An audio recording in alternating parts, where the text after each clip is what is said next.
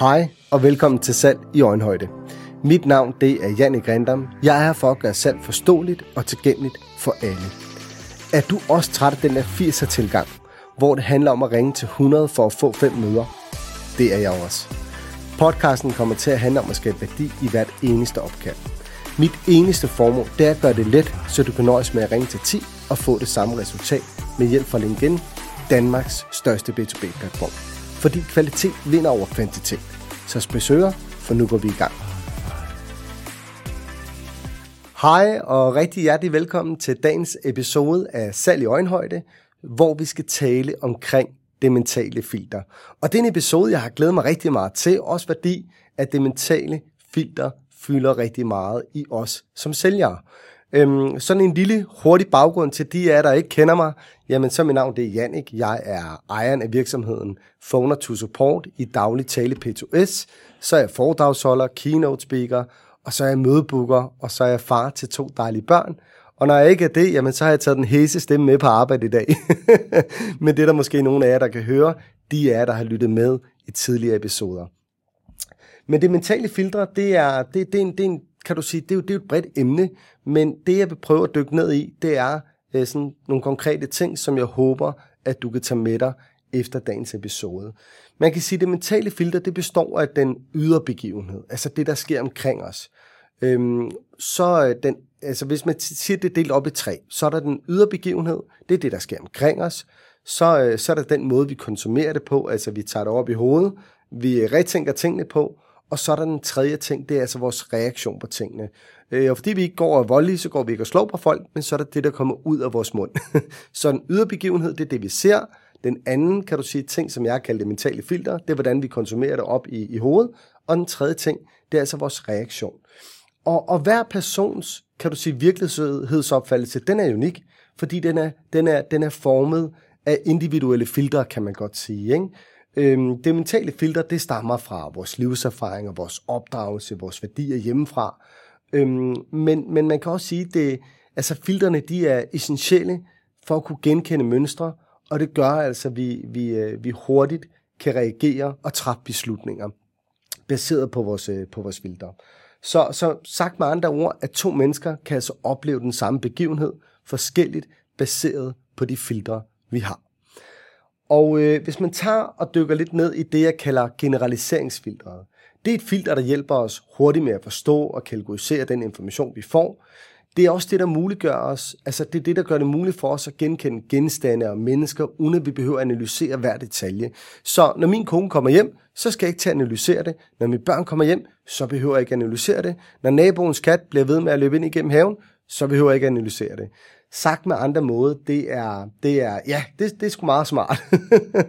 øh, men det er også smart, hvis man jager på savannen, men det er knap så heldigt i arbejdsøje med, fordi risikoen for, at vi hurtigt kan springe til konklusioner, altså du ved, øh, eller stereotyper, som alle, alle sælgere er påtrængende, det, det kan nogle gange godt være udfordringen med det her generaliseringsfilter, der er, vi gode til at, at lave antagelser og generalisere. Så man kan sige, min bedste anbefaling, det er, at det er noget, man skal være opmærksom på, og så skal man blive på egen banehalvdel og passe på med det her filter. Det er godt i nogle ting, men ikke, ikke godt i alle ting.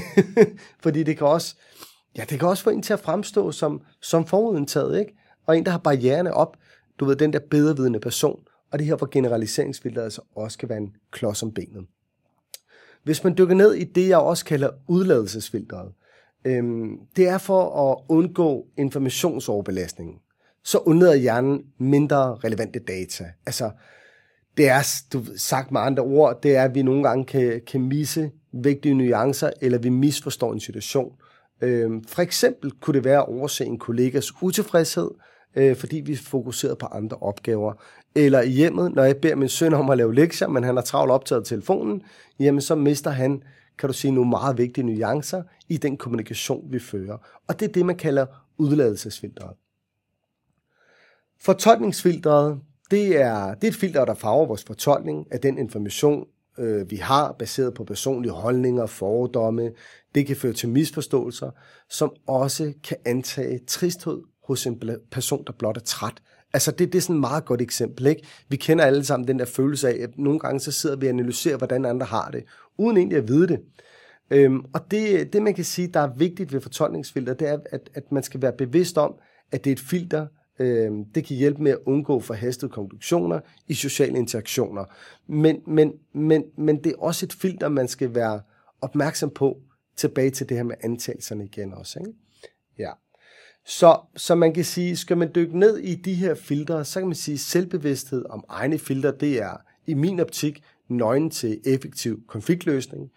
Det er, giver dig også en forståelse af forskellige, kan du sige, opfattelser, som skyldes vores forskellige mentale filtre. Vi er lidt tilbage til det her med, for nogle er himlen blå, og for andre er himlen grå. Og der er ikke noget, der er mere rigtigt end andet. Altså, vi er farvet af de filtre, som vi også snakkede om lidt tidligere, øh, vores baggrund, vores, vores, øh, vores, vores opvækst, etc., de ting, vi har med i vores livsbagage. Så, så man kan sige, det er en indsigt, der kan gøre det lettere at identificere og løse misforståelser, hvis man er bevidst om sin egne filter. Og der vil jeg, må jeg undskylde, om sagt, så går jeg og lidt med stemmen, så jeg skal prøve at fatte mig i korthed. Men at arbejde med ens egne filtre, det kan forhindre konflikter, øh, og det kan, altså det kan styrke din evne til at male i andres. Yes. Så hvis du nu skulle gøre det her lidt visuelt, nu ved jeg ikke, om du sidder i bilen, om du er på cyklen, om du sidder på arbejde, eller om du sidder derhjemme. Og hvis du sidder i bilen eller på cyklen, så skal du ikke lave den her øvelse. Men det, jeg godt kunne tænke mig, det er, at, øh, at du lige om lidt, så skal du kigge rundt omkring dig, og så skal du finde øje på, øh, nu siger jeg sorte, eller ah, ja, du, vi, vi tager sorte ting, så skal du øh, øh, til, hvor mange sorte ting, der er i dine omgivelser. Så hvis du lige stopper op i kort øjeblik, og så får du 10 sekunder til at tælle, hvor mange sorte ting, der er i dine omgivelser. Okay? Så, så 10 sekunder til at kigge omkring dig i, hvor mange sorte ting, der er i dine omgivelser. Og vi starter nu.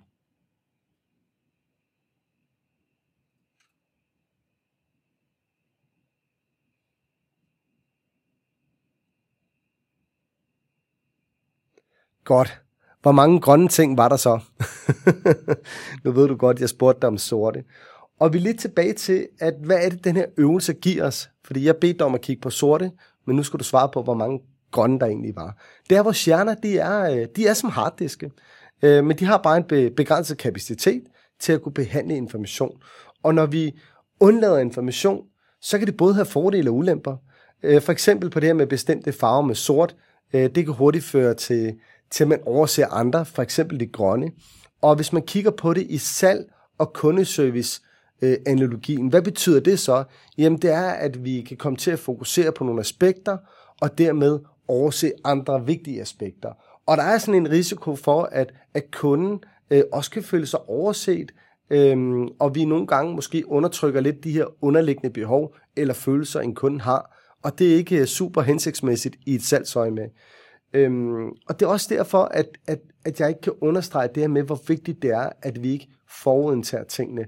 Og, øhm, og det kan vi gøre blandt andet ved aktiv lytning, ved at vise åbenhed over for alle aspekter i et salgsøje med.